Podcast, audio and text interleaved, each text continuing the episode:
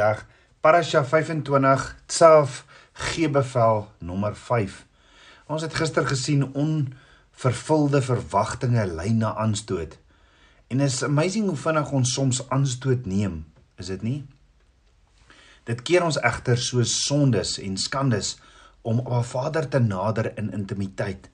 En daarom gee Abba Vader 'n offer protokol om hom te nader. Maar voor ons verder kyk na die naderingsprotokol, staan daar in 1 Korintiërs 13 vers 5: Dit, die liefde, handel nie onwelvoeglik nie. Soek nie sy eie belang nie, is nie lig geraak nie, hou nie boek van die kwaad nie. Met ander woorde, liefde is nie lig geraak nie en dalk as ons dit in ander woorde kan sê, die liefde neem nie maklik aanstoot nie, nê. Ek het nog altyd half hierdie idee gehad dat om aanstoot te neem beteken jy is ontstel oor iemand wat jou op 'n groot mate verontreg het en is sommer vir dae en sommer selfs jare lank ongelukkig daaroor en kwaad daaroor.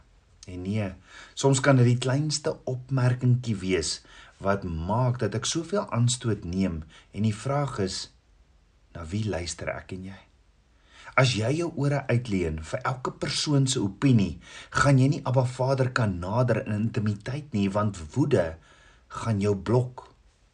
Jy sien die vyand sal soms die kleinste dingetjie laat val om jou van koers af te kry want wanneer ons aanstoot neem, belemmer ons ons eie geestelike groei en dryf dit ons ook weg van dit wat Abba Vader se droom vir my en jou is. So wat bedoel ons met die woorde aanstoot neem of offense? John beweer vergelyk in sy boek The Bite of Satan aanstoot met 'n lokval. Byvoorbeeld, as jy 'n vis wil vang, gaan jy tog nie in die water klim met die vishoekie en die visie roep nie.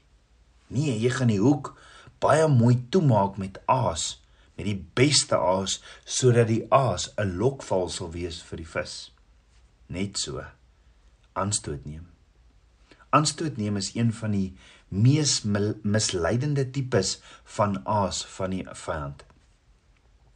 Ons tel die aas op, verorber dit, voed ons hart daarmee en word dan vasgevang want die vyand wil jou en jou verhouding met Abba Vader en jou droom wat Abba Vader vir jou het probeer begrawe.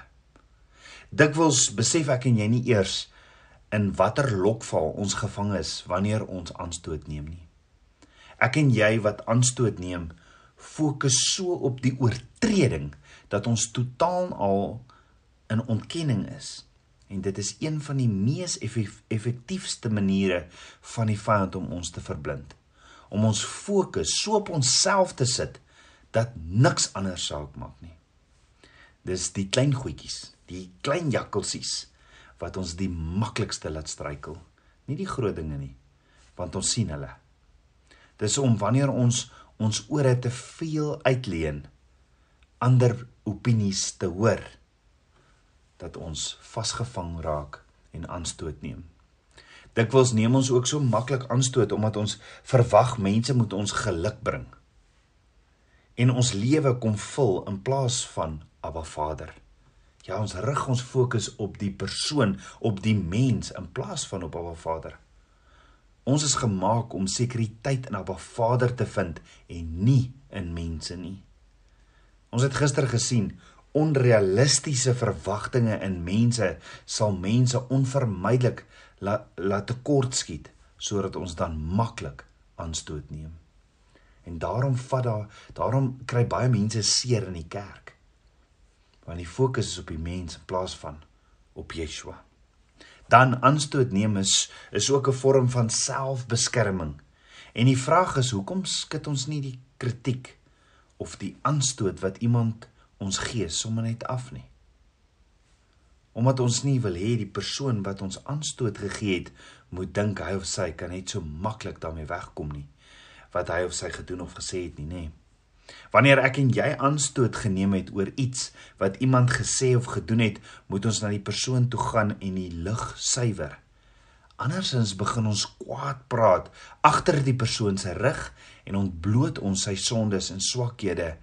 En hoe kan ek en jy dan met so 'n mond Abba Vader loof en prys.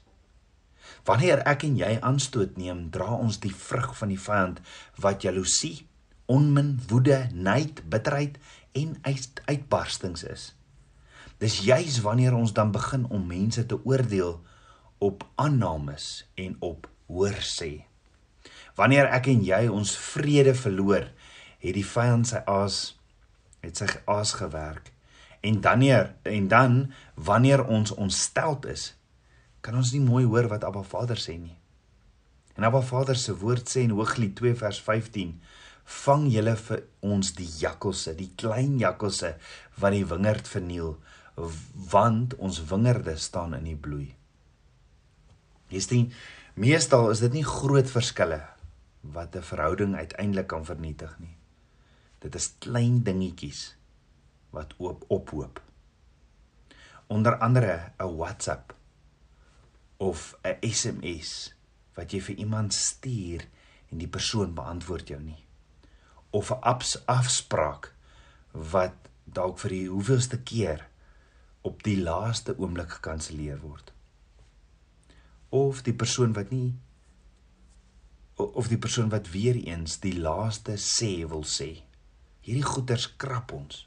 En as hierdie jakkals nie dadelik ehm um, bespreek word nie, verander dit later in 'n trop jakkalse wat die wingerd vernietig. Ek en jy moet nie wag dat die trop aanteel nie. Nee, roei dit so gou as moontlik uit.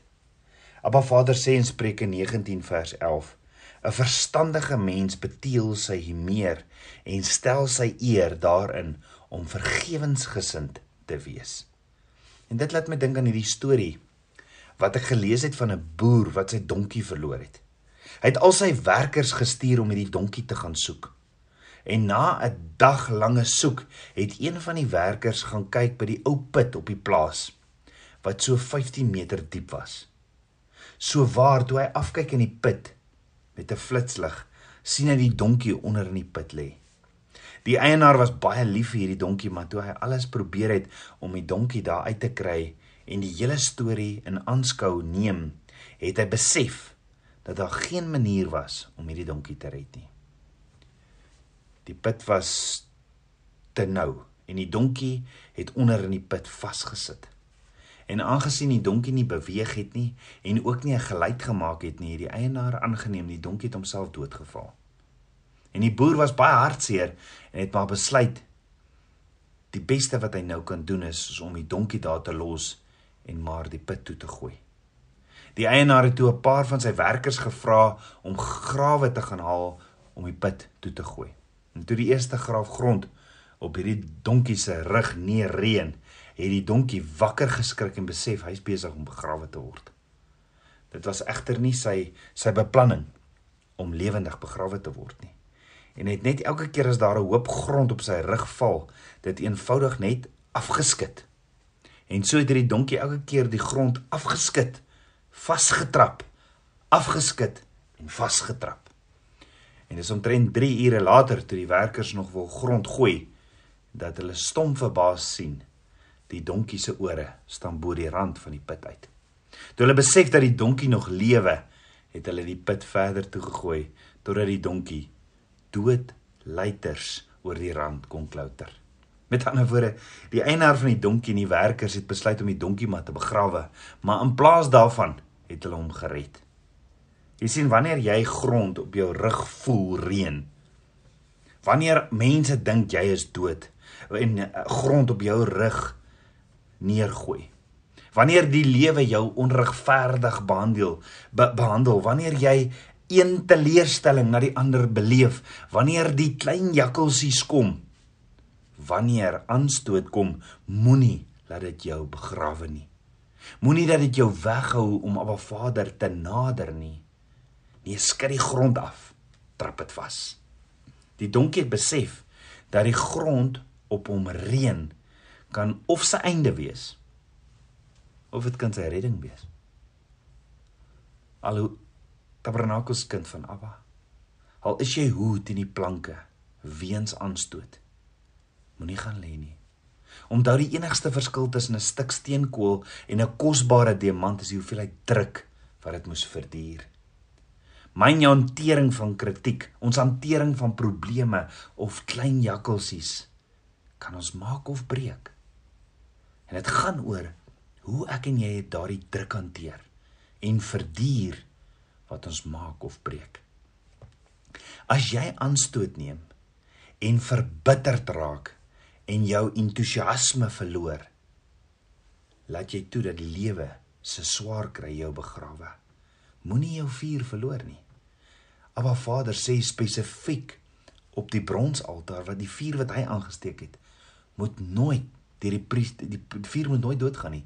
Die priesters moet die hele tyd daai vuur aansteek. En daar net so moet ek en jy so daardie vuur van Heilige Gees in ons laat brand.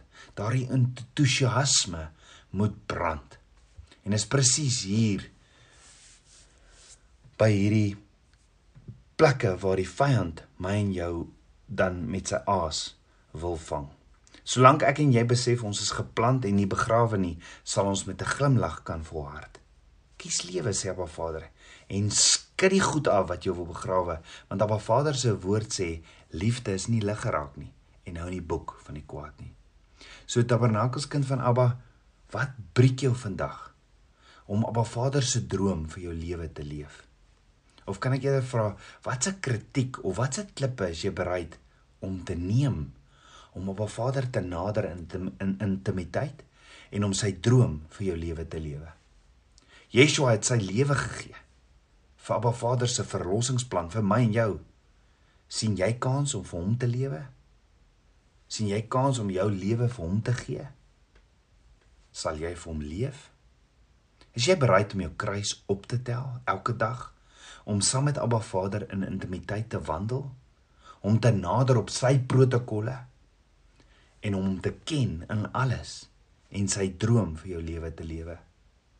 Dink daaroor moes Dawid en onder andere die disippels van Yeshua nie ook kritiek of sekere mate van aanstoot in hulle lewe ervaar het nie dan om verder oor te ponder neem ons nie soms aanstoot teenoor Abba Vader nie ek meen hoe baie neem ons nie aanstoot as Abba Vader ons sy waarheid kom leer nie Onder andere sê Abba Vader in hierdie week se parasha of gedeelte in Levitikus 7 vers 23 geen van 'n geen vet van 'n bees of 'n skaap of 'n bok mag jy eet nie. Gaan ek en jy nou aanstoot neem? En dan sê Abba Vader ook in vers 26 ook mag jy geen bloed van voëls of van vee in enige een van julle woonplekke eet nie. En die vraag is hoeveel keer vat ons nie aanstoot oor Abba Vader se instruksies nie sonder om regtig te ondersoek en kyk wat is Abba Vader se hart hier agter en wat sê hy regtig hier vir my en jou nie. Abba Vader is die skepper van hemel en aarde. Hoekom nie hom Shema, Heer luister nou by en vertrou dat hy beter weet nie in plaas van hom aanstoot te neem nie. Jy sien aanstoot is 'n lokval van die vyand. En is dit nie dalk ook hoekom Abba Vader sê in Levitikus 7 vers 1 en dit is die wet van die skuldoffer. Dit is dit is hoogheilig nie. Tabernakels kind van Abba. Abba Vader nooi jou om hom te nader. Sal jy afskud, alles los, vastrap en hom nader en hom shema? Kom ons bid saam. Abba Vader, skieper van my hart. Vader, ek loof en ek prys U. Vader, te veel sluit 'n kompromie met die wêreld omdat ek almal net wil gelukkig hou. Vader, ek wil my fokus rig op U. Ek wil op U woord staan. Ek wil U Shema. Kom verander my. En as dit U wil is, gebruik my instrumenteel om U woord, U waarheid te verkondig. Vader, was my skoon met die waterbad van U woord en kom leef U droom deur my meer en meer van u verborge manne. Asseblief Papa God.